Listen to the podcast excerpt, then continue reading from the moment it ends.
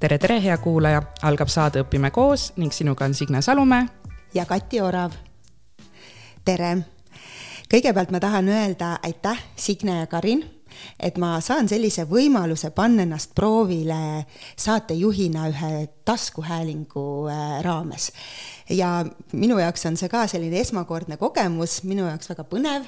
ja ma olen täna kutsunud endale külaliseks inimese, keda ma olen ammu soovinud kohata. ja kohata mitte lihtsalt niimoodi, et, et tema on laval ja mina kuulan, vaid päriselt meeter-kaks vahet näha, öelda tere ja, ja jagada omavahel mõningaid mõtteid. kindlasti rohkem teada saada külalise mõtetest, aga ka äh, nii-öelda mõned mõttemustrid, mis minu enda peas on tekkinud, avaldada ja vaadata, mis äh,, mis vormi nad võiksid võtta. ja külaliseks on täna Valdur Mikita kelle kohta võib lugeda, öeldakse kirjanik, semiootik. mina tahaksin täna öelda lähtuvalt Valduri kõige uuemast raamatust, et mõtterändur Valdur Mikita. ja ütlen ka ära, et me ütleme omavahel sina, sest me oleme juba siin omavahel tutvunud ja niimoodi kokku leppinud, et siis äh, saatekülaline ei arva, et ma juba hästi olen selline familiaarne nii-öelda. aga tere, Valdur! tere kõigile, suur rõõm on siin olla ja koos, koos üritada siis kuskile nende mõtterännakutega välja jõuda. et äh, jah, kipub küll vist olema nii, et teemasid on nii palju, et kui paljusid me jõuame neist puudutada, aga aga see teema, mille sa võib-olla siis veel lahti seletad, millest me rääkima hakkame, on küll nii mitmeharuline, et see on nagu selline paks mets, et ega seda ei olegi võimalik korraga läbi uurida ja ma arvan, et nii vahvasti ei olegi keegi veel selle teema kohta öelnud. Ja täna siis tõesti, et kuna tegu on äh, haridusteemalise taskuhäälinguga, siis meil tuleb juttu haridusest, tuleb juttu loovusest, mille puhul siis äh, väga palju on kuulda olnud, et, äh, et kui oled sina, Valdur, kuskil rääkinud, siis oled päris palju ju looduse teemat puudutanud. Ja tuleb siis teemaks ka minu selline suur kireteema, milleks on visuaalne lihtsustamine ja me nimetame teda täna siis rohkem võib-olla ka ebatäiusliku joone maagiaks, sest see on see, mille puhul sina, Valdur, ütlesid, et nii põnev nimetus, et, et kas ma ise mõtlesin selle välja ja tõesti jah, ise mõtlesin just sellest, et kui inimene saab aru, et tohib tõmmata ebatäiuslikku joont, siis maagia juhtubki. aga läheme teele ja teeme sellist sissejuhatust natukene liigume siis äh, loovuse ja, ja hariduse radadel alguses ja vaatame siis, kuidas me jõuame siis ka selle maagiani. Äh, sa oled öelnud äh, niimoodi, et lapsepõlv on inimese kõige müstilisem aeg ja oled ise jaganud enda lapsepõlve kohta selliseid huvitavaid lugusid, räägi, milline oli sinu lapsepõlv ja, ja mismoodi see maagia sinu lapsepõlves oli? No tagantjärgi mõeldes äh, vist minu kujunemisloos kõige olulisem moment on ikkagi see, et äh, mul oli võimalus mitte käia lasteaias. noh, nagu me teame, tänapäeval on see, on see väga suur õnn ja kahjuks on ka noh, väga paljud riigid läinud äh, seda teed, et lasteaias mittekäimine on juba peaaegu kriminaliseeritud. noh, me saame aru küll, miks, miks see maailm nagu selles suunas liigub aga, mm, aga ikkagi ilmselt on noh, mingid teatud inimtüübid või eh, mis juba avalduvad nii varases lapseeas, kellel on tarvis sellist eh, noh, omaette olemist, võimalust olla kokkupuutes selle rohelise loodusega. ja noh, ma usun siiralt seda, mida minust targemad inimesed on öelnud, et esimese kolme eluaasta jooksul ikkagi inimene enam-vähem kujuneb juba välja ja suurim asi, noh, mida me siis vanematena saame teha, on mitte takistada selle lapse kujunemist esimese kolme eluaasta jooksul. noh, kuni selleni välja, et me saame piisavalt mulda suhu toppida ja, ja võib-olla mesilase käest nõelata ja, ja olla kokkupuutes kõikide nende toredate batsillidega, mis meie immuunsuse välja arendavad. aga võib-olla ka mingis teises võtmes, et, et ma arvan, et mõnes mõttes tõesti väikesel lapsel on justkui mingisugune teistsugune teadvusseisund. noh, kas just kõik, aga väga paljud meist mäletavad mingisuguseid väga kummalisi mälestusi varasest lapseeast. noh, kuna mind on huvitanud selline sünesteesia teema, siis noh, üks hüpotees on see ka, et me kõik sünnime sünesteetidena. noh, sünesteesia on siis selline seisukord, kus meie meeled kipuvad sassi minema, et noh, kas me kuulame muusikat ja näeme seda kuidagi värviliselt või kujutame kuupäevi, sõnu, numbreid ette värvilisena. et ühesõnaga noh, tekib mingisugune selline nagu läbilöök teisest meelest. ja noh, kuna aju kasvab nii kiiresti, siis täitsa võimalik, et, et sellises varases lapsepõlves meil kõigil on justkui selline kuues meel, et me kogeme maailma teistmoodi. enamik nii-öelda kasvab sellest välja, aga, aga üksikud mitte ja, ja noh, erinevus on ka selles, et mõned inimesed mäletavad seda nii-öelda seda sünesteedi lapsepõlve, mis on justkui selline müstika, teised mitte. nii et jah, seal on väga palju kihistusi koos, aga, aga kokkuvõttes siis äh, see, et laps saab piisavalt palju omaette olla, et teda ei sotsialiseerita üle, see on minu meelest selline oluline asi jah, et kui mõelda seda, et kui, kui siis äh, laps läheb lasteaeda, siis väga tihti ju kohe ootavadki ees sellised sellised erinevad normid, et, et noh, et punane on punane ja roheline on roheline ja, ja tähel ei ole värvi. et siis justkui antakse need piirid ja, ja ma olen ise ka mõelnud seda, et minul on küll mõlemad lapsed käinud lasteaias, aga nad on saanud sellist vabadust, et äh, ei ole olnud kellast kellani olemisi, aga on sellist looduses olemist pigem tooks ka paralleeli sinuga oma lemmikkirjanikuga välismaalt Agatha Christie'ga. ja Agatha Christie lugu on ju selline, et tema ema ei tahtnud, et äh, Agatha enne kaheksandat eluaastat lugema õpiks. Agatha ei käinud ka lasteaias, ta ei käinud isegi traditsioonilises koolis üldsegi. ja, ja tema siis viieaastaselt õpetas ennast tegelikult ise lugema ja hoidis seda siis peidus ema eest. aga seal oligi tema emal siis tegelikult selline põhimõte, et, et lapse loovus areneb paremini ja kui ma mõtlen sinu peale, siis need mõtterännakud, mida sina ju jagad meile oma raamatutega, vestlustega, need on ka sellised, mille kohta võiks öelda, et kui öeldakse Agatha Christie kohta, et no kust tema need ideed võttis või kust sa loed ja sa ei tea, sa ei tea, kes on see, kes asja tegi lõpuks ära. et, et kas võib olla see paralleel, et, et mida kauem me saame laste, lapsel lasta siis selles kujutlusvõime mahlas olla ja sellele mitte piire panna siis meil äh, tulebki inimesi nagu sina ja Agatha Christie ja see on väga huvitav mõte, ma arvan, et äh, see kindlasti äh, on õige osade inimeste puhul, tõenäoliselt mitte kõikide puhul. aga osade inimeste puhul absoluutselt kindlasti. no me leppisime enne kokku, et võib-olla natukene jõuame nendest introvertidest ja ekstravertidest ka rääkida aga noh, see, see vahe ilmselt hakkab jah, kuskil väga nagu baasilisel tasandil juba nagu sisse, sisse tulema. noh, minu kooliajast on küll äh, nii mõnedki aastad juba möödas, aga noh, ma mõtlen, millal mina ikkagi võib-olla kõige rohkem kannatasin äh, noh, mulle ei ole kunagi meeldinud selline asi, mille nimi on, eks ole, nagu rühmatöö. et noh, ma olen selles mõttes selline tüüpiline introvert, et noh, seda on ka maailmas väga palju uuritud, ja ütleme, introvertide jaoks on nagu raudselt see reegel, et mida suurem rühm, seda lollimad mõtted sealt tulevad. et äh, introvert armastab rühmatööd, aga see rühma suurus, äh, ideaalne suurus on tema kaks inimest. ja noh, huvitav on see, mis ka minu kohta sada protsenti käib, et äh, mulle meeldib nii-öelda inimesega silmast silma vestelda. ma arvan, ma olen päris hea suhtleja, tuleb natuke ennast ka kiita, eks ole ja mulle meeldib pidada loenguid võib-olla sellisele suurele saalile aga minu jaoks on väga sellised nagu piinavad sellised noh, väikses seltskonnas mingisugused koosviibimised. ma, ma tunnen, et kuidagi ei sobi mulle. ma ei saa oma mõtteid väljendada lihtsalt seetõttu, et noh, introverdi tüüpiline omadus on see, et enne kui ta midagi ütleb, ta mõtleb pikalt aga kui sa istud väikeses seltskonnas, kus on pooled on ekstraverdid, siis ekstraverdid räägivad selle pausi enne täis ja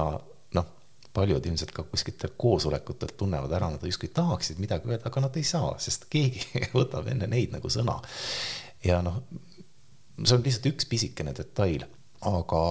mida ma ka sügavalt usun, noh, nii palju, kui ma noh, uuringuid olen piilunud, siis kõige suurema koolitrauma saavad introvertidest poisid. lihtsalt seetõttu, et sellisest sotsialiseerumisest on saanud ekstreemsport ja noh, eriti kui on tegemist selliste introvertsete ühiskondadega, ma ikkagi Eestit pean jätkuvalt ka nende hulka kuuluvaks, siis vot siin me ei tohi nagu liiale minna. et äh, see ei tähenda seda, et introvert ei taha suhelda, loomulikult tahab, võib-olla isegi rohkem kui ekstravert, aga tema jaoks kehtivad mingid reeglid, et ta tahab silmast silma rääkida mingeid asju lahti. Äh, ja ühesõnaga noh, lähtuda mingisugusest oma loodud maailmast. Et, äh, et jah, see on selline suur ja valus teema, et ega me ei jõuagi ilmselt kõiki asju puudutada, aga lihtsalt jah, peegeldades oma kogemust, et äh, ütleme siis nii, et introverti ei tohi ümber kasvatada ekstraverdiks, ta saab väga suure trauma terveks eluks mm. -hmm. et äh, tõesti väga hea niimoodi sujuvalt üleminek sellele selle introverdi ja ekstraverdi teemale, sest et ähm, mina olen hariduselt haridusinnovaator Tartu Ülikoolis äh, saanud sellise kraadi ja seal siis meile tegelikult äh, väga palju räägiti, et mis on siis see nüüdisaegne õpikäsitlus ja mis on väga oluline siis hakata arendama, uurima ja mis on nagu huvitav, seal tuuakse välja, et äh, kolm sellist nagu põhiprintsiipi, et üks on õpioskus, üks on siis see väga suur teema nii-öelda ennastjuhtiv õpi, õpilane ütleme, ennastjuhtivaid inimesi niikuinii oleks meil veel rohkem vaja. ja kolmas on siis see koostöine õpe. ja kui mina siis oma magistritöös tegelikult neid kõike kolme natuke uurisin oma nii-öelda teema valguses, siis ega ka seda koostöist õpet oli kõige vähem tegelikult üldse uuritud või osatud ka välja tuua ja see ongi pannud mind ka mõtlema, et, et võib-olla see koostöine õpe oma mõttelt juba on see, et, et tekib tunne, et me oleme kõik kuskil grupis ja õpime. et, et kas eestlasele omaselt võiks olla siis mingit sellist koostöist õpet, et tõesti andagi võimalus täna üksi või täna kahekesi teha rohkem seda koolis, õppida tundma oma õpilasi ka ja ma arvan, et see ideaalne vastus tegelikult juba siin kõlaski, et kindlasti ka introverti tuleb sotsialiseerida, ütleme noh, kasutades sellist veidrat sõna. et noh, selle vastu ilmselt ka keegi ei vaidle, aga täpselt see lahendus ongi see, et introverdile tuleb anda iseolemise aega, noh, iseõppimise aega. noh, introverdid on väga head enesejuhtijad see, mis introvertide põhiline häda on võib-olla see, et noh, neil on selline hästi suur nagu sisemine pinge noh, ütleme selline ärevus on selline põhiline võib-olla selline introverdi tüüpiline joon, mitte depressioon, just, just ärevus. ja, ja noh, tuleb osata seda nagu maha võtta ja noh, kui, kui seda ei osata teha, siis noh, mis juhtub sellises nagu rühmatöös, see introverdi ärevus lihtsalt kasvab nii suureks, et noh me kõik teame selliseid kurbi lugusid, eks ole, et inimene läheb või laps läheb klassi ette ja ta ei saa sõna suust, eks ole, täiesti normaalse mõistusega inimene hakkab kokutama või ühesõnaga läheb täiesti nagu endast välja. et, et need on jah, sellised, sellised nagu võtmekohad. aga noh, muidugi tänapäeva haridussüsteem ikkagi võrreldes minu ajaga on ju ka oluliselt ikkagi ju pika sammu edasi astunud, et ma usun, et, et et väga paljud inimesed on selle kas ise intuitiivselt ära tundnud või, või ka lihtsalt saanud juba piisavalt hea hariduse. aga laias laastus, kui nüüd püüda üldistada, et noh, kui vaadata mitte kooli, vaid üleüldse, et kus võib-olla, millises rühmas tekivad kõige paremad ideed, siis ma arvan, et kindlasti seal peavad olema nii ekstraverdid kui introverdid ja seal peab olema nii rühmatööd kui ka sellist individuaalset äh, aju ragistamist, et, äh, et noh, selline dünaamika kindlasti peab, peab säilima. ja noh, mis veel ilmselt on, noh, vaadates endasse introverdi jaoks hästi oluline, et kui tema käest midagi küsida, siis äh, sageli tal ei ole kohe seda head vastust võtta, nii et tundub, et võib-olla see tema selline ajupotentsiaal tõesti jääb ekstraverdile alla. aga mida introvert teeb, ta läheb ja mõtleb kolm päeva selle üle ja vot siis on tal vastus olemas. et ühesõnaga noh, mida siis introvert vajab, on selline paus. ta peab lihtsalt äh, kuidagi olema oma mõtetega üksi. ja ma isegi ei tea, kas seda on uuritud, aga, aga mulle tundub, et et eh, noh, ka introverdid ja ekstraverdid, neil on tõesti kuidagi ajus nagu teistsugune selline info töötlemise süsteem. noh, ma tean seda, et mida eh, on ka palju uuritud, eh, no selline huvitav nagu vastuolu, et näiteks kui Aasiast pärit tudengid lähevad Ameerikasse, siis noh, me teame, ameerikalik koolisüsteem, selline suur rühmatöö, kõik vestlevad, käratsevad ja selgub, et need noh, õnnetud Aasiast pärit inimesed üldse ei tee suud lahti, et ja siis noh, õppejõud satub segadusse, kas tema teeb midagi valesti või, või noh, mis nagu valesti on. aga ma arvan, et see, see vastus võib-olla ongi selles, et, et lihtsalt inimesed on harjunud mõtlema omaette. ja, ja kui vaadata nüüd neid kuulsaid või kurikuulsaid PISA teste, et kes on ikkagi seal eesotsas, need on introvertsed ühiskonnad Eesti, Soome, siis paljud, eks ole, väikesed Aasia riigid, kus on just, ütleme, ideaaliks on võib-olla selline noh, ütleme selline noh, introvertne lähenemine mingite probleemide lahendamisele, mitte rühmatöö. nii et see on, mille üle tuleb ikkagi nagu mõelda, et mis on see väärtus ja, ja siit tegelikult äh, ma jagaks selle ühe näite, et ma olen käinud äh, siinsamas podcast'is rääkimas ka lugu, kui ma käisin äh, Hispaaniasse Erasmuse vahetusüliõpilaseks, võtsin pere kaasa, läksime, see muidugi sattus just sinna aega, kui koroona peale tuli ja me saime päris palju siis ka introvertsete eestlastena rohkem seal Hispaania ühiskonnas kodus olla, aga mis oli hästi põnev kogemus, oli see, et mul on kaks poega ja ma alati arvasin, et minu vanem poeg on rohkem selline introvertsem ja noorem on ekstravertsem. ja nad läksid siis Hispaanias kohalikku kooli ja seal oli siis, äh, istuti äh, juba ka laudadena niimoodi nagu kohviku stiilides ümber laudade äh, klassiruumis gruppide kaupa ja noh, me teame, et hispaanlane on ka selline, et tema isiklik ruum on väiksem, ta on kärarikkam ja tekkis huvitav olukord, et minu vanem poeg tundis ennast järsku nagu kala vees sest et noh, ta oli seal eestlane, siis kõik seal te, proovisid temaga rääkida, olla, ta tundis ennast nii hästi. ja noorem poeg, keda ma siis olin pidanud tegelikult ekstravertsemaks,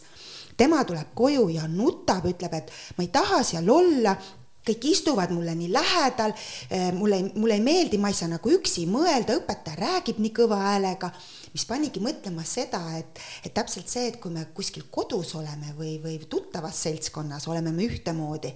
ja, ja kuidas on siis see stiil, kuidas me kas õpime või, või tahame siis äh, tegelikult äh, nagu nojah, enda jaoks siis seda infot koguda ja mõtteid jagada. ja siit me liigume tegelikult äh, selle sellise põneva teema juurde veel, mis on mul vahel ka hinge peal et kui nüüd eriti veel hea tõmmata tegelikult seda sinu mõtteränduri raamatust, kus sa oled kirjutanud hästi palju ka sellise ju noh, ka eestlase loomuse kohta ja ma ütlen kohe, kuidas sa oled seal kirjutanud, et meile loomupärane eluvaade on ootame, vaatame, mõtleme, kaalume, arutame. Ja, ja kui praegu tahetakse hästi palju hariduses erinevaid uusi meetodeid ja, ja uusi koole luua ja siis võetakse välismaalt üle ja äkki ikkagi peaks mõtlema, et mis on see meie päris, meie oma eestlastele loomupärane kool ja kas ka see füüsiline keskkond, mis tegelikult ei ole siiani mitte kuskil väga muutunud, kui kõik muu muutub hariduses kas äkki ka see peaks eestlastele loomuomases koolis teistsugune olema? et siin tuli küll nüüd kaks küsimust, aga ma arvan, sa rabeled välja ja väga põnev teema. jah, ma pean vist tunnistama, et äh, võib-olla seda äh, vastust sellele suurele küsimusele, noh, mis siin taga nagu kumab, et kuidas on üldse inimese aju ja tema keha nagu seotud, noh muidugi tarkade inimestena me oleme palju tarku raamatuid läbi lugenud, aga ma arvan, et see ongi tegelikult ikkagi väga suur mõistatus. aga fakt on see, et seotud nad on. Ja noh, esimene asi, mis mul pähe turgatab, ma olen unustanud nüüd selle autori nime, aga üks erakordselt tore uuring, mis viidi läbi Rootsis. Ja seal küsimus oli väga lihtne, et mis parandaks õpilaste sooritusvõimet matemaatikas, väga erinevaid asju uuriti läbi ja selgus, et kõige paremad tulemused olid äh, sellel rühmal, kellele pandi päevas juurde üks kehalise kasvatuse tund noh, mingi asi, mis ei ole absoluutselt seotud matemaatikaga. ja huvitav on see, et, ähm, et kui ma nüüd õigesti mäletan, kõige rohkem mõjus see poistele, mis tähendab seda, et poisid äh, õpivad siis, äh, kui nende keha liigub kui jalad jooksevad ja, ja käsi saab palli visata või, või palli põrgatada. et et äh, ühesõnaga selline noh, ütleme no mis on võib-olla tänapäeva suur häda, on see, et selline loomuliku liikumise foon on peaaegu kadunud. noh, kõik need sellised maatööd, eks ole, mida veel meie vanaemad ja vanaisad ja isad-emad nagu tegid, et see on nagu peaaegu kadunud. et noh, nende asemele on tulnud noh, mingisugused natuke minu jaoks kahtlase väärtusega sellised spordisaalid et ma ei taha nüüd spordisaali kohta kindlasti halvasti öelda, isegi olen seal käinud küll aga lihtsalt, et äh, sageli on see siiski aseaine, sest sul lihtsalt ei ole mitte midagi muud äh, füüsilist enam nagu maailmas nagu teha. ja, ja selles mõttes äh, noh, ütleme, et kui noh, keegi näiteks tuleks minu juurde ja küsiks, et mis on sinu võlukepik, et kuidas me saaksime seda haridussüsteemi paremaks teha, siis mina mõtleks selle peale esimese asjana, et oleks koolis rohkem liikumist. noh ma tean, et selle peale mõeldakse ja tegelikult ka astutakse konkreetseid samme, aga ikkagi ma arvan, on veel äh, pikk tee minna. ja, ja noh, miks see niimoodi on, äh, ma ka pigem nagu räägin intuitiivselt, noh, võib-olla võttes siis ka selle introverdi positsiooni, et eriti kui ma teen pingelist vaimset tööd ja mõtlen mingite asjade üle, et noh, ma tunnistan, et minu selline sisemine pinge ilmselt on oluliselt võib-olla suurem kui sellisel tavalisel inimesel ja teinekord see muutub nagu nii suureks, et see tõesti noh, hakkab nagu sooritusvõimet nagu alla kiskuma. ja kõige lihtsam äh, vahendus siin ei ole, et sa mõtled mingid probleemid selgeks, vaid et sa liigud. ja see paneb su taustsüsteemi paika, sa saad mingisuguse normaalse ärevuse taseme, su sooritusvõime paraneb, sa rahuned, sa saad mingite asjadega uuesti nagu peale hakata ja noh, see, see kõik on nagu nii lihtne, et selles mõttes lihtsalt tuleb nagu usaldada oma keha. vist oli selle jutu mõte ja et äh, mõeldagi, kas oleks võimalik tõesti ka pöörata kuidagi pahu, pahumpidi see, et kas see õppimine siis sellises klassikalises klassiruumis äh, peabki alati päevad läbi olema, et äh, kas saaks matemaatikat ka hoopis spordisaalis kuidagi läbi viia, et sest et noh, Eestis muidugi on see, et aastaringselt õues me ei saa kahjuks alati teha.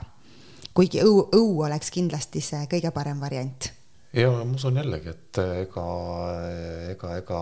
noh, ilmselt hariduse kõige suurem häda ongi see, et ta kannatab sellise üleinnoveerimise all, et jälle tuleb uus inimene, tahab midagi uut teha, et see on ju lõputu kannatus, kui sa vaatad nagu õpetaja seisukohalt, et noh, tegelikult ei ole vaja ju last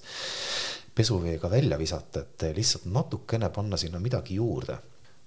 sellega tegeleb ju praegu Liikuma kutsuv kool hästi hoolega, et just kuidas ka neid tunde sisustada ja liikuvaks teha. aga mis mulle endale väga meeldib, on see, et minnakse koolipäeva ümber organiseerimisele, tuuakse need pikad õuevahetunnid sisse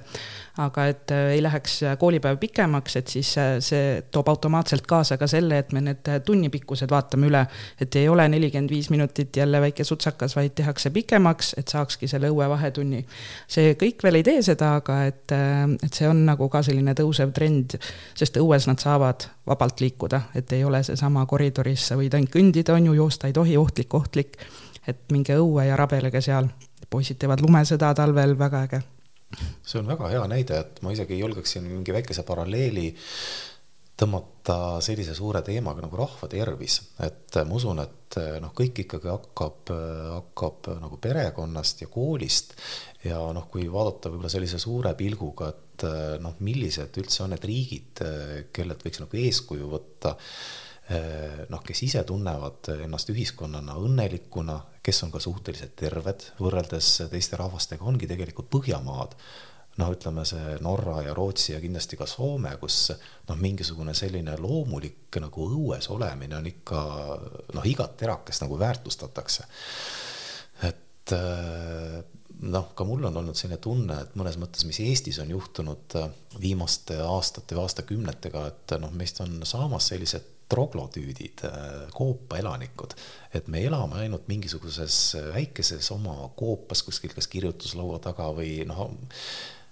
ütleme siis niimoodi, et, et ugrilasel, ugrilane tunneb ennast hästi siis, kui tal ei ole katust pea kohal. vaat õues hakkab kuidagi mingisugune asi nagu tööle. Et me, et me peaks tõesti ka, ka laste peale mõeldes noh, lihtsalt võimaldama neid olla õues nii palju kui vähegi võimalik ja et siit tegelikult, äh, kui meil on siis äh, haridusteemaline taskuhääling, siis äh, kaks sellist toredat mõtet on juba tulnud neile, kes tahaksid siis midagi uurida, muuta hariduses, et üks on see, et vaadata peale koostöisele õppimisele, et, et kuidas siis tegelikult seda lähtudes laste erinevatest temperamentidest, olemistest, eestlasele loomuomasemast olekust, et kuidas neid saaks erinevaid nii-öelda sisse tuua ja sama siis, et kuidas ka seda ainetundi, mitte ainult siis, et on ainetund ja vahetund on see koht, kus liigume, vaid kuidas see ainetund ise saaks ka olla selline liikuvam veel sinna juurde. et kes siis äh, on minemas äh, õppima kuskile, siis on siin mõni teema võib-olla õhus lausa mm. ja ma arvan, et siit tegelikult, kui me räägime siis sellest ka nii-öelda noh, et nagu liikumist on vaja sisse tuua ja, ja et siis tegelikult äh, me saame sujuvalt liikuda siis ka selle ebatäiusliku joone maagia radadele natukene. sellepärast, et äh, kui rääkida selle ebatäiusliku joone maagiast, tema taustaks siis selline tehnika nagu visuaalne lihtsustamine, mis tähendab äh, maakeeli võib öelda teadlik kritseldamine või mõtlemine koos pliiatsi ja paberiga ja, ja miks see meile väga hästi siia täna sobib, on sellepärast, et, et sina oled, Valdur, ka oma kunagises doktoritöös kirjutanud tegelikult, mis on see inimese mõtlemise keel, kuidas seda saaks rohkem välja tuua, kuidas ta seostub loovusega. Ja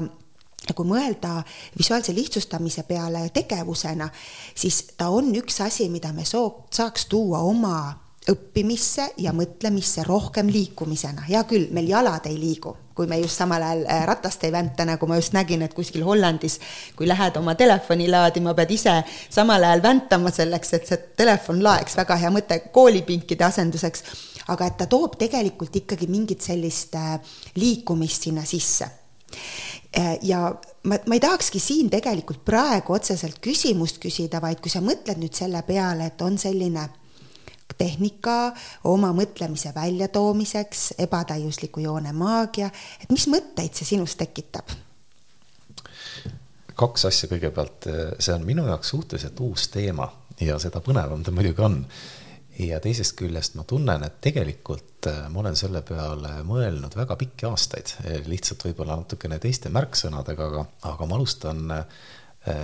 hüppan korraks minevikku, et siis, kui minust sai bioloogia üliõpilane, aasta oli siis tuhat üheksasada kaheksakümmend kaheksa, selline murrangulised ajad hakkasid Eestis peale, minust sai tudeng Tartu Ülikoolis. ja noh, sel ajal teatavasti ei olnud mingeid võimalusi, et sa trükid äh, arvutisse mingisuguseid märkmeid ja noh, kirjutusmasinat ma ka ei pannud tähele, et keegi oleks loenguruumi nagu kaasa võtnud mis tähendab seda, et märkmeid tehti käsitsi ja täiesti intuitiivselt äh, ma arvan, väga paljud äh, inimesed nagu jõudsid mingisuguse oma tehnikani, et, äh, et kõigepealt noh, kui sa teed loengumärkmeid, siis sa juba surud seda infot kokku, eks ole, sa kirjutad mingisuguseid märksõnu, sa kirjutad küllalt lohaka käekirjaga, lühendad, aga mis on huvitav, et kui sa hakkad pärast neid märkmeid üle vaatama, siis tuleb mängu see ebatäiusliku joone maagia, sa hakkad kritseldama, sa teed mingisuguseid sikssakke sinna tõmbad mingisuguseid jooni ümber. mõnikord noh, hästi paljud me teame, äh, teevad selliseid noh, väikeseid ornamente sodivad, eks ole, loengu ajal ja, ja see on noh, täiesti alateadlikult, kuidas seda infot nagu salvestada. ja mina õppisin eksamiteks niimoodi, et äh, kui mul oli, et kõigepealt äh, noh, tegin need kritseldused, noh, lõin mingisuguse oma märksüsteemi seal selle ebatäiusliku joone maagia abil. ja kui ma hakkasin õppima, siis ma võtsin need lehed kätte ja muudkui kõndisin mööda tuba kilomeetreid. ja täiesti intuitiivselt tagantjärgi aru saades, et äh, noh, lihtsalt ma leiutasin selle kõige võimsama tehnika, et sa kõnnid ja vaatad oma kritseldusi kaks asja paned kokku. ja, ja nähes kõrvalt, kui paljud tegelikult õppisid nagu samamoodi kuskil ühikates ja ja, ja vot see on just see, mis tegelikult tuleks nagu tagasi tuua nii et ma lõpetan selle mõtte võib-olla sellega, et mida me oleme kaotanud. noh, see on ka teema, mida on palju uuritud, et need, kes käsitsi kirjutavad äh,, mäletavad seda infot hiljem ju oluliselt paremini. et ühesõnaga, see kiri peab olema mõnusalt lohakas Äh, ta peab olema enda käega üle käidud ja üldse selline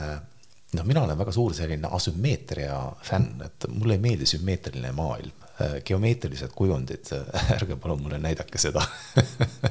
et kõik peab olema natukene nihkes, kuidagi nagu noh, ütleme mingi loksuga või välja veninud või natuke balansist väljas. vot siis minu aju hakkab nagu tööle. Nii et, jah, et kui me nagu arvutiga trükime, me oleme kaotanud selle mõnusa käsitsi kirjutamise lohakuse. nii et sellised mõtted, mis mul esimesena pähe kargasid. Ja, ja isegi on, kui, kui mõelda, et äh, nüüd on juba tulnud sellised digitahvlid, kus me siis ei, ei trüki, vaid noh, nagu näpuga vajutame võib-olla peal ja saame mingeid asju valida, siis tegelikult äh, viimane selline uuring, ta ei ole võib-olla kõige viimane, aga mida mina siis oma magistritöö jaoks ka avastasin, oli see, kus ühed lapsed siis tegid käsitsi, panid asju kirja või joonistasid juurde ja teised siis vajutasid iPadil neid mingeid asju. Ja ikkagi jäi rohkem meelde neile, kes käsitsi siis oma käega seda kõike tegid. ehkki see vajutamine ka juba oli võib-olla natuke samm edasi, kui ma lihtsalt siis seal kuskil arvuti peal trükin. aga jah, et kui olen siin ise rääkinud äh, õppejõududega, õpetajatega, et tõesti on see, et äh, loengutes näiteks üliõpilased, nad ei teegi enam märkmeid, sest nad loodavadki sellele, et, et nad tegelikult pärast saavad selle materjali, sest kõik on arvutis kättesaadav. ja, ja mis tegelikult toimub, on ju see, et nad ei õpigi seal kohapeal ära, nad ei saagi minna kohe võib-olla õppejõult küsima, et ma ei saanud hästi sellest aru, kuidas see siin on. et, et sellist nagu oma, oma mõtlemist äh, ei tooda kohe sinna sisse ja ei kaasata. ja see on siis see, mida ka hariduspsühholoogid tegelikult ju toovad, ütlevad, et väga suur mure on selles, et meil ei ole seda aeglast õppimist, et me ei saa justkui kogu aeg, kui me õpetaja kuskil kuulame, et seda nagu ümber enda jaoks sõnastada. et jah, meil ei olegi kõigil seda oskust seda kohe peas teha, meil pole võimalust minna kohe kellegagi rääkida, aga see, kui me siis kasutame paberit ja pliiatsit joonistame, kirjutame, see ju mõnes mõttes ongi see, kui ma seda oma sisekõnet kohe juba justkui ümber muudan, enda omaks, mida ma olen kuulnud väljast. ja ma olen sellega sada protsenti nõus, et, et mingi selline, selline noh, võib-olla isegi see toimib nagu sellel tasandil, et kui sa kirjutad, see on tegelikult ju väga keeruline selline peenmotoorika, noh, me teame jällegi, eks ole, eriti poistel, kui raske on seda kirjatehnikat noh õppida. aga see, et, et sul samal ajal mingisugune noh, töötab mingisugune peenmotoorika keskus, kui sa, kui sa kirjutad ja sa kuulad loengut, sa, sa pead kogu aeg tõlkima erinevatest niimoodi märgisüsteemidest, eks ole, niimoodi ühest nagu teise ja ilmselt esiteks see toob sulle parema sellise noh, ütleme mälulise mingisuguse parameetri sinna. ja tõesti, sa juba sel hetkel sa mõtestad mingeid asju nagu läbi. et üldse vaadates noh, nüüd kirjanikuna, eks ole, et kui noh, käsitsi kirjutamine, ütleme sellisest tavaelust, kui me läheme koolist välja, et noh, helde taevas, kes seda enam teeb, kes saadab kirju, kuigi me väga noh ma arvan, et me, me kõik ootame tegelikult, et kui tuleb jõuluaeg, et me leiaks postkastis käsitsi kirjutatud kirja, see on nagu ime. Võib-olla peakski tegema üleskutse, et kui vähegi võimalik, kirjutage üksteisele selliseid kirju, see on ilus. et lihtsalt eh, hoida elus seda, seda käsitsi kirjutamise maagiat. Ja meil on praegu päkapikud käivad ja kodus teema olnud, et, et alati äh, ei pea päkapikke tooma, vaid võib üksteisele ise ka siis ju aeg-ajalt sõnumeid, et anname päkapikule puhkust meie majast äh, mööda täna minna. ja kui siis vanem poeg ütles, et ta oli, ta oli haige, et ta ei saa ju poodi minna, et midagi tuua ja ma ütlesin, aga see ei pea olema midagi sellist. ja järgmine hommik oli nii ilus kiri meile abikaasaga, kui head ema ja isa me oleme, käsitsi kirjutatud, kaunistatud, et anda, anda seda julgust tõesti ka. Äh, me jõuame, sa juba tõid ka ka tegelikult sisse seda põnevat asja nagu äh, äh, märgisüsteem. me jõuame sinnani ka, et äh, täna puudutada sinu kui semiootiku tausta mingis mõttes. aga äh, tahaksin tuua selle lõpetuseks, mis me praegu rääkisime, et liikuda siis sama teemaga natuke loovuse radadele, et sa oled ise öelnud äh, tegelikult ühes äh, ööülikoolis nii vahvasti, et keha mäletab, et peab tegema midagi primitiivset ja kirjutamises on midagi seda ürgset ja primitiivset ja käsitsi tegemine, see annab hoo mõtlemisele. Need on sinu enda sõnad. mäletad sa ise ka neid sõnu? jaa, mäletan küll jätkuvalt äh, no kuidas siis peaks ütlema, et ma kirjutan sellele kahe käega alla või veel parem oleks öelda, et ma kirjutan sellele kahe jalaga alla. ehk siis ühesõnaga mõte, eriti poistel ja meestel, liigub siis, kui jalad ja käed liiguvad. et see on fakt. ja see ei ole minu mõte, helde taevas, kes seda ütles, võib-olla Rousseau, et häid raamatuid kirjutatakse jalgadega ja see on tõsi. ja, ja tegelikult äh, me jõuame siit sellise toreda teemani siis veel, et, äh, et loovus. Ja, ja kui väga tihti siis äh, loovus on siis selline, võiks öelda tänapäeva spunk nagu, mida otsitakse taga. Ja arvatakse siis, et äh, tihti, et kas loovus on seotud inimestega või kohtadega, aga tegelikult ju loovus on midagi, mida me teeme. ja, ja see on ka idee, mille ma tegelikult sain sinu ööülikooli siis ühest, ühest vestlusest kus sa kutsusid sisse juttu rääkima ka Noora Pärdi kes jagas siis seda lugu, et, et kuidas siis äh, Arvo Pärdi loomingu nii-öelda mitte ainult ei päästnud, vaid viis järgmisele tasemele. See, kui ta hakkas tegema mingeid käelisi tegevusi, maalima, joonistama sellepärast et ta oli jõudnud äh, helilooja karjääris sinna, et ta oli täitsa nagu noh, must auk oli, ta otsis oma mingit keelt, aga ei suutnud. ja see, mis ta tegi, ei olnud tegelikult ainulaadne, näiteks Albert Einstein ju mängis viiulit selleks, et mingit äh, matemaatilist probleemi lahendada ja nimetas seda kombineerimismänguks. ja kui me nüüd mõtleme loovusele, meil oleks vaja, et meil on koolis, tööl seda loovust nagu jätkusuutlikult, et mitte ei ole nii, et noh, nüüd on vaja, vaid et see oleks kuidagi kogu aeg meil õhus siis minu selline teooria selle ebatäiusliku joone maagia juurdetoomisega on see, et, et me ei saa tõesti tööl kogu aeg viiulit kääksutada või savi voolida või molbertitega seal maalida. aga et joonistamine on nii lihtne ja primitiivne asi. isegi ma ei ütle ainult joonistamine, vaid tõesti see visuaalne lihtsustamine, sest seal on see, et me võtame kujundid, sümbolid ja ka selle kirjutamise juurde ja loome et äh, kuidas sina selle, selle mõttega suhestud, et kas võiks olla see ka see nii-öelda üks kombineerimismäng, mida siis oma mõtlemise ajal mängida, et tegelikult loovus avalduks seal, kus meil siis sisuliselt vaja on? ja see mõte tundub kindlasti baasiliselt õige, kuigi, ähm, kuigi see on äh, nagu nii suur teema ja noh, jälle üks selline miljoni dollari küsimus, et et mis selle taga tegelikult inimese sees toimub, ma arvan, et kellelgi seda vastust ei ole, kuigi kõik otsivad, aga noh, võib-olla esimene mõte, mis mul pähe tuleb, on see, et me peame tunnistama, et kui inimene saab vanemaks ja targemaks, ta ka kaotab midagi. et igasugune haridus ja kultuur mitte ei anna inimesele juurde, vaid tegelikult noh, võtab ka midagi ära. et ütleme, et me oleme, eks ole, käinud läbi koolid ja ülikoolid, noh, sellel on ka tegelikult mingi hind ja no seda ei tohi kunagi nagu unustada, et, et noh, miski siin elus ei ole tasuta. ja noh, mis on meie kultuuris võib-olla selline väga suur hind, on see, et me oskame lugeda ja kirjutada ja me teeme seda alfabeedis. ühesõnaga, no minu mõte siis rändab sinna, et kui meil oleks võib-olla piltkiri, siis võib-olla seda ebatäiuslikku joone maagiat meil ei olekski nii palju tarvis lihtsalt häda on selles, et mingi kandi pealt äh, need kirjatähed, mis on meile küll väga armsad, tegelikult äh, kahandavad ka meie sellist sisemist potentsiaali.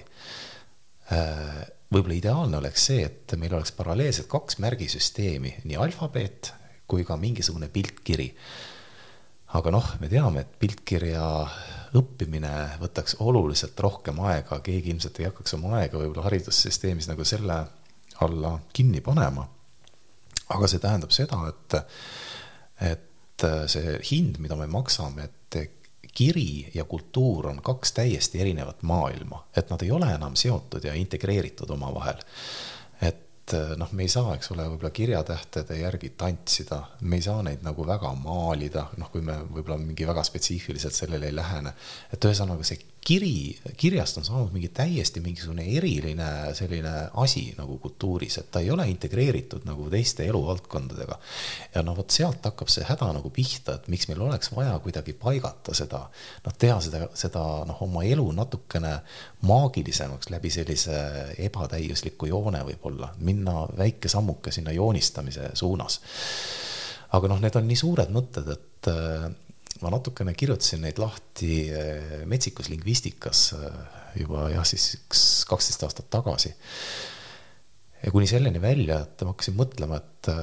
et tegelikult kui me räägime kirjandusest, siis meil võiks olla näiteks poeetilises tekstis oluliselt rohkem kirjavahemärke noh, mina tunnen puudust, et mul on ikka see koma ja punkt ja semikoolon, et noh, kui ma kirjutan luuletust, mul võiks olla hoopis mingisugune teistsugune register, mingi teine arsenal.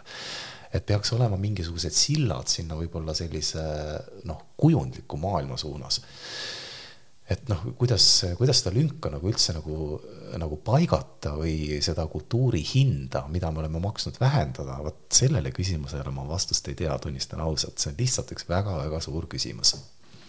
jaa, mina, mina ammugi vastust ei tea, aga see mõttekäik praegu pani nii palju mõtlema sellele, et kuidas noh, mingis mõttes seesama visuaalne lihtsustamine, mille puhul ongi see, et kui inimesed seda õpivad, nad tahavad minna siis hästi palju sinna joonistamise maailma ja siis ma proovin tõmmata ka seda, et aga tegelikult me ei kaota ära seda kirjutamist, sedasama, kuidas sa ütlesid, alfat ja, ja beetat,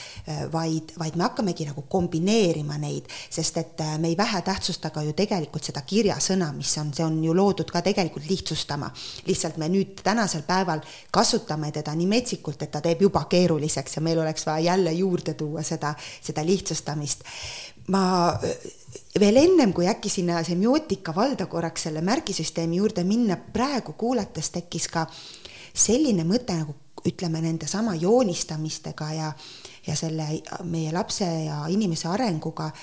sa tõid ka oma doktoritöös tegelikult välja Võgotskit kuidas tema on kujutlusvõimet tegelikult uurinud. ja see on ka midagi, mida mina olen viimasel ajal tegelikult lugenud, uurinud, et on hästi põnev see, et kuidas kujutlusvõime tegelikult on ähm, seotud sellega, mis on meie teadmised elust, et me saame ainult nagu kujutlusvõimet panna kokku asjadest, mis on juba olemas. ehk me võiks mõelda, et täiskasvanu on kujutlusvõime meister aga millegipärast me, on teistmoodi, et lapsed julgevad seda välja näidata, et me sünnime metafoorilise mõtlemisega, aga me kuidagi läbi elu siis kaotame selle ära. ja kas, kas ei võiks nii olla, et kui me arendame endas ka täiskasvanuna rohkem seda sümboli toomist sisse, joonistades kujundlikult metafoorilist mõtlemist, siis tegelikult me arendame endas jälle seda kujutlusvõimet ja sellega koos loovust, sest noh, metafooriline mõtlemine on, et ma võtan ühe, noh, võtan maja, võtan kana jalad ja saan äh, muinasjutulise kana jalgadega maja. aga täiskasvanutena me nagu ei julge seda ja, ja see harjumus, et kas see metafooriline mõtlemine selline võiks aidata sinna kaasa täiskasvanuna? ja tahaks kindlasti öelda, et kindlasti aitab, kuigi tegelikult äh ma vist isegi seda ei julge öelda, et see on jälle noh, ma üldse vist olen väga pelglik selliste suurte teemade suhtes midagi ütlema, et elu on õpetanud, et asjad on palju-palju keerulisemad, kui sa algselt arvad. aga millega ma küll kipun nõus olema, et mina usun seda, et haridussüsteem korraga ei saa arendada inimeses välja kahte asja, intelligentsus ja loovus. noh, meie läänelik haridussüsteem on läinud seda teed, et, et et me justkui tahaksime, et sealt selle toru lõpust tuleksid välja sellised hästi intelligentsed inimesed ja me paratamatult kaotame loovust. ja lihtsalt seetõttu, et, et mõnes mõttes noh, selline teadmiste pagas ja, ja noh, ütleme selline noh, intelligentsus justkui aitab meid selles elus edasi või selles maailmas, mida me siia enda ümber oleme ehitanud Äh, noh, ma arvan, et äh, noh, kõik, kes on koolis käinud ja eriti õpetajad, äh, noh, nad kõik väga hästi teavad, milline hullumeelne loovus on, eks ole, võib-olla seal kümne, üheteist, kaheteistaastaste laste peas veel. kui sa lähed gümnaasiumi tasemesse, see kõik justkui kukub nagu kokku nagu kaardimajak, et noh, midagi selgelt peab seal nagu juhtuma. on need siis sisemised või välised põhjused ja, ja ma arvan, et ega siin ei olegi muud lahendust kui see, et need inimesed, kes ikkagi tunnevad, et nende eneseteostuse kohustuslik osa on loos, siis nad peavad lihtsalt kusagilt noh, midagi juurde õppima. no sealt tuleb kogu see huviharidus ja, ja see kirg ja ja kõik need teised teemad, noh, mis ei ole otseselt seotud, eks ole, haridussüsteemiga. aga, aga jah, ma olen nõus sellega, et võib-olla noh, ka ka see suurepärane Arvo Pärdi näide, kuidas ikkagi noh, see loovus on, osade inimeste jaoks ikkagi niivõrd oluline asi, et sellest saab selline eksistentsiaalne küsimus, et, et äh, kui sa ei leia seda õiget väljundit, siis äh, noh, kaob ära ka elu mõte, et selles mõttes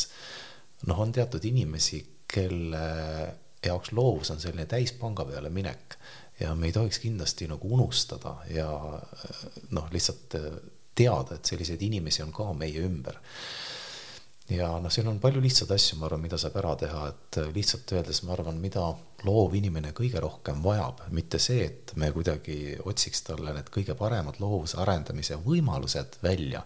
ei, kõige lihtsam on see, et me jagame talle tunnustust. vot loov inimene ja eriti introvert on see, kes on, ma arvan, pidevas sellises tunnustuse puuduses. tal on ainult üks suur trauma, eks ole, ta tunneb, et ta on kuidagi teistmoodi, ta ei saa nagu rühmatööga hakkama ja siin on, võib-olla ongi väga hea viidata, nagu sa juba sisse tõid, Albert Einstein, kes on ka öelnud, et kõige, kõige hullemad asjad tema elus on olnud koosolekud, ta oli absoluutselt selline üksi mõtleja. ja teine suur selline inimeste eest põgeneja oli Charles Darwin, kellest isegi noh, ma olen lugenud, räägiti niisugust anekdooti, et kui oli teada, et, et noh, tuleb mingi seltskondlik koosviibimine, siis ta alati mõtles välja mingeid eriti totraid otsitud põhjendusi, miks tema ei saa seal osaleda. Nii et jah, lihtsalt äh, näha inimeses seda, mis teeb temast erilise ja mis teeb temast sellise unikaalse inimese, et see on ikka kõige suurem küsimus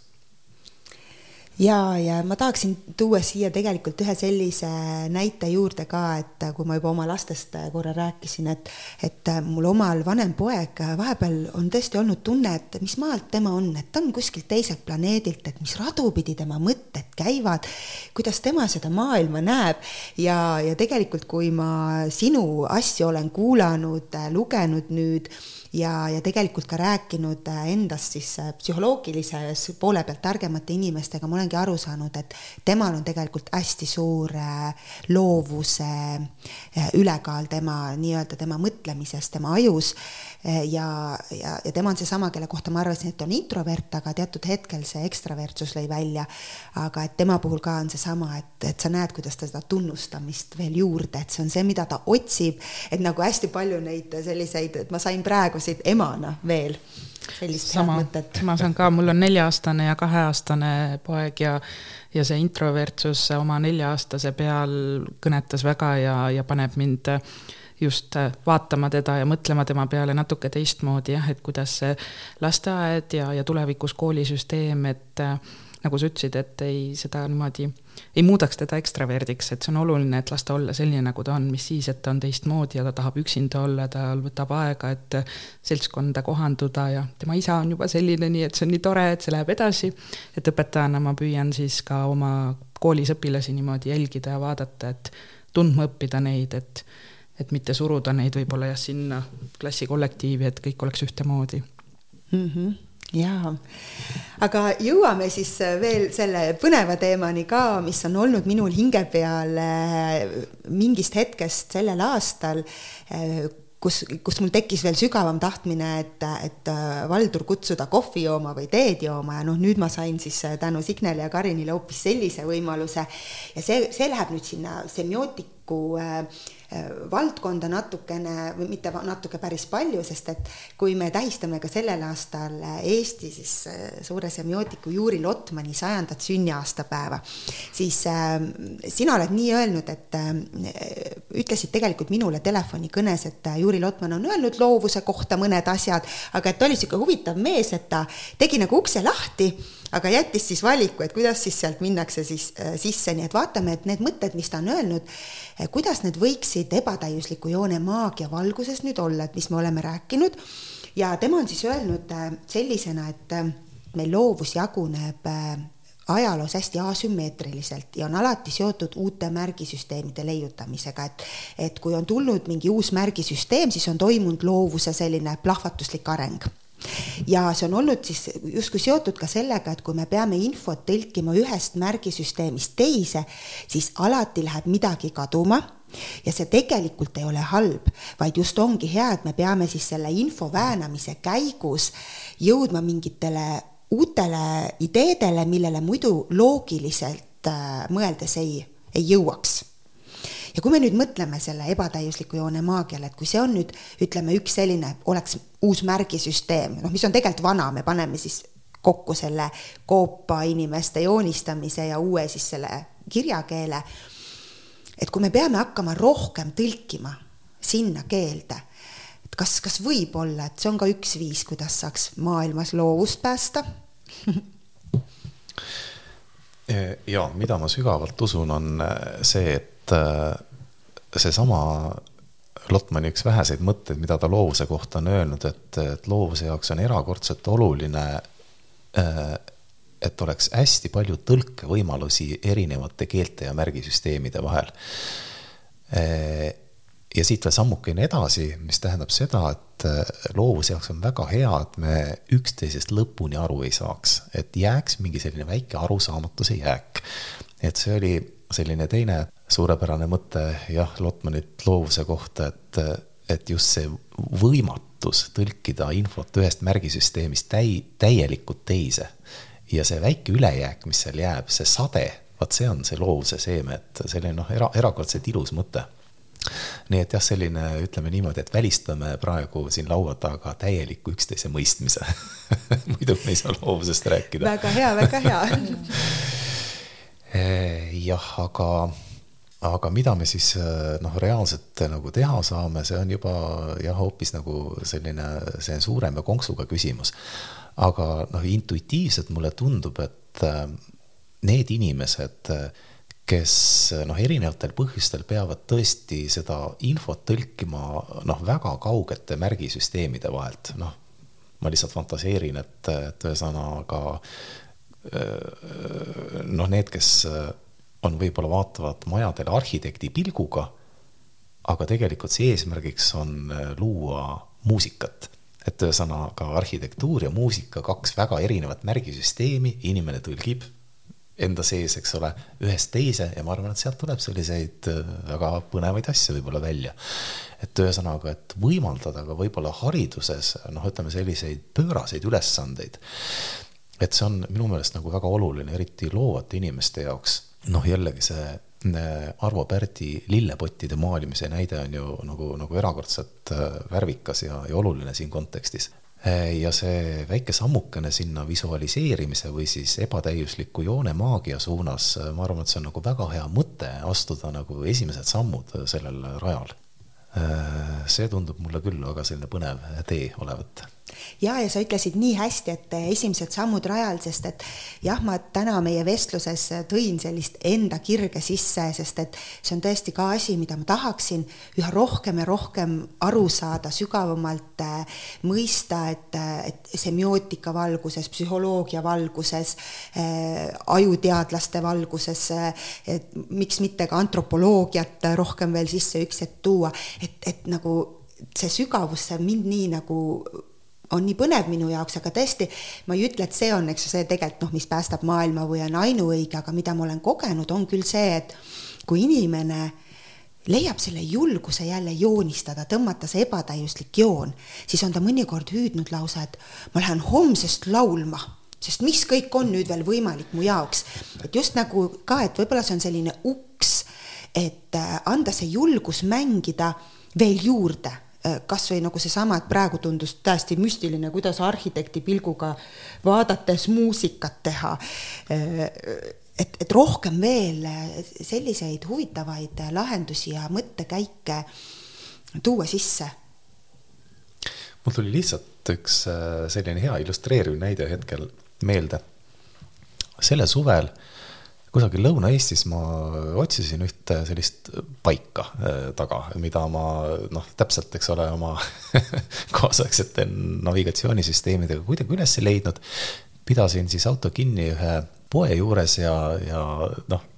selline Eesti klassika, et kolm meest istuvad seal heas tujus. küsin nende käest teed ja nad olid väga varmad mind abistama, aga mis mulle nagu hinge läks, et üks mees tõusis püsti kükitas maha, võttis mingisuguse oksarao ja hakkas mulle sinna liiva peale skeemi joonistama. ja siis ma mõtlesin, helde taevas, millal ma viimati nägin, et keegi joonistab, eks ole, noh, kuskile liiva või, või, või maa peale mingisugust kaarti, eks ole, et kus miski asi on, kuhu tuleb minna. lapsepõlves ma mäletan, seda tehti nagu sageli, eks ole, külas niimoodi inimesed kuidagi suhtlesidki ja see mõte on selles, et tegelikult me peaksime oluliselt kaugemale mõtlema, eks ole, paberist, et see ebatäiusliku joone maagia võib-olla hakkabki elama siis, kui me selle paberi ja pliiatsi aknast välja viskame. me läheme tagasi loodusesse, noh, ütleme sinna nagu päris inimeste juurde, päris maailma ja seal see ebatäiusliku joone maagia võib-olla ärkab nagu tegelikult ellu. et äh, see on nii põnev mõte, et ei tea, kuhu sellega võiks välja jõuda jaa, et äh, lapsed siis äh, rohkem hoopis ka välja, et äh, kui vahel on küsitud, et Kati, et sa vehid siin paberi ja pliiatsiga, et meil on digiajastu, et halloo. Siis siis ma olen alati öelnud, et seda kõike saad ju digitahvlil teha, peaasi, et ei jää ära see, et sa ise teed seda selle ükskõik mis pliiatsiga, aga siit veel tegelikult, et miks kogu aeg kõik see digitaliseerumine lähemegi välja ja tulebki hoopis see liiv ja muld mängu ka sellisel viisil, et, et loodus kui, kui tahvel, mille peale jäädvustada. Siin mul meenub veel üks väga ammune kogemus lapsepõlvest, ma arvan, et see ongi võib-olla mul üks varasemaid mälestusi, ma arvan, et ma võisin olla umbes kolmeaastane. ja maja juures ehitati midagi niimoodi, et jäi järele selliseid imelisi lauajupikesi, noh, mis on nagu sellised väikesed lõuendid. ja ma ei tea, kust mul see mõte tuli, ma, ma äkki nagu tundsin, et minus ärkab kunstnik. aga kuna mul ei olnud noh, mingit asja, millega sinna laua peale joonistada, siis mul tuli selline mõte, et kusagil oli selline punaste, punastest telliskividest laotud hunnik ka ehituse jaoks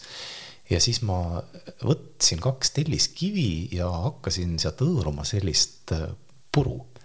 ja sealt ma sain siis äh, sellise värvi, valasin sinna natukene vett peale, võtsin puupulga ja hakkasin joonistama sinna lauajuppidele. ja ma siiamaani mäletan seda tohutut kirge või sellist vaimustust, et ma olen väga harva hiljem elus seda tundnud äh, kui noh, kuidas see mind nagu endasse haaras või see, see võimalus Mm, noh, esimest korda olla elus kunstnik, kui sa oled kolmeaastane, et see on, see on nagu erakordne kogemus. et kui me selliseid asju ka hilisemas elus suudaks nende juurde tagasi minna, et noh, mõnes mõttes see ongi ju meie hariduse mõte, et pakkuda selliseid süvakogemusi, mis meid puudutavad. et see on, see on ilus ja, ja see veel pani ka mõtlema, et on üks hästi, Gil Hope on kirjutanud äh, küll inglisekeelse raamatu joonistamise kohta, ta ongi uurinud joonistamist ja ta ütleb, ma tsiteerin neid sõnu väga tihti, et joonistamine on osa inimeseks olemisest, see tuleb meie seest ja meil on alati olnud tung jätta endast jälg. et ma arvan, see on see, mis tegelikult selle oma käega loomise juures annab selle naudingu sinna juurde, et need nagu sinu lood seda illustreerisid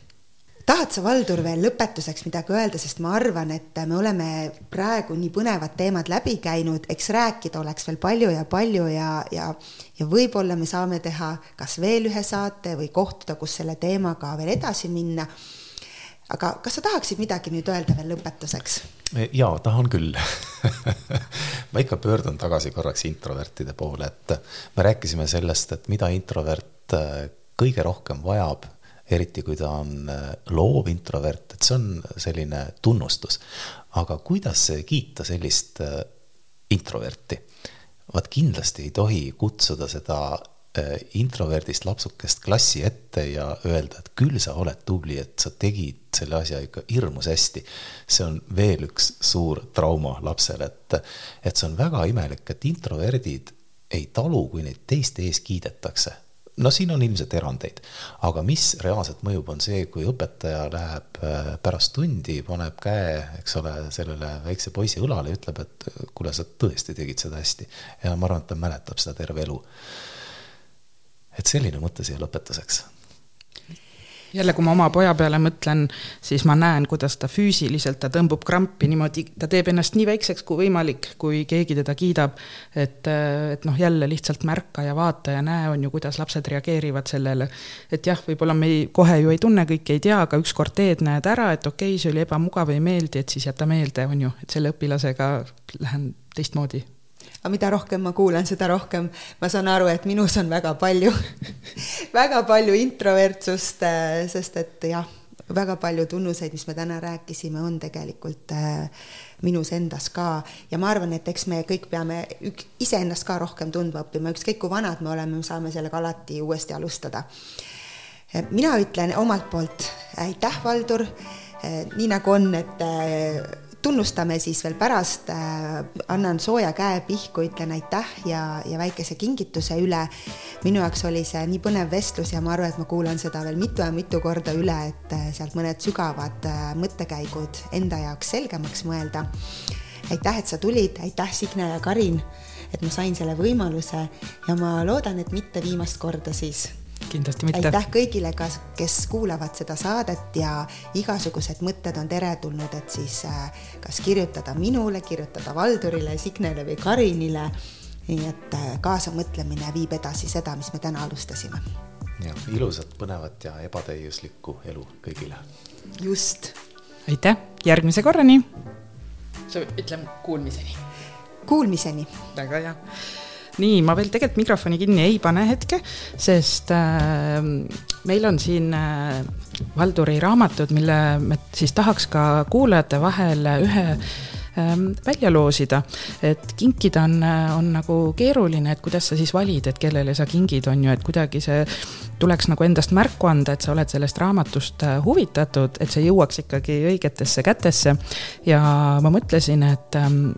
et raamatu pealkiri on Mõtterändur, et kui sa tulid meiega kaasa mõtlema ja rändama, et siis äh, jaga meiega oma mõtteid sotsiaalmeedias ja, ja siis äh, me saamegi teada, et sa oled huvitatud ja, ja loosime kõikide siis mõtlejate vahel välja väikese siis pühendusega Valdur Mikita raamatu. ja raamatule kõrvale siis paneme minu märkmiku, sest et siis, kes raamatut loeb, ei pea siis raamatusse sodima nii nagu mina tavaliselt, mitte, ma ei ütle, et see ei ole sodimine, aga noh, mõtlen, mõtlen siis pliiatsiga, et võib siis seda märkmikusse teha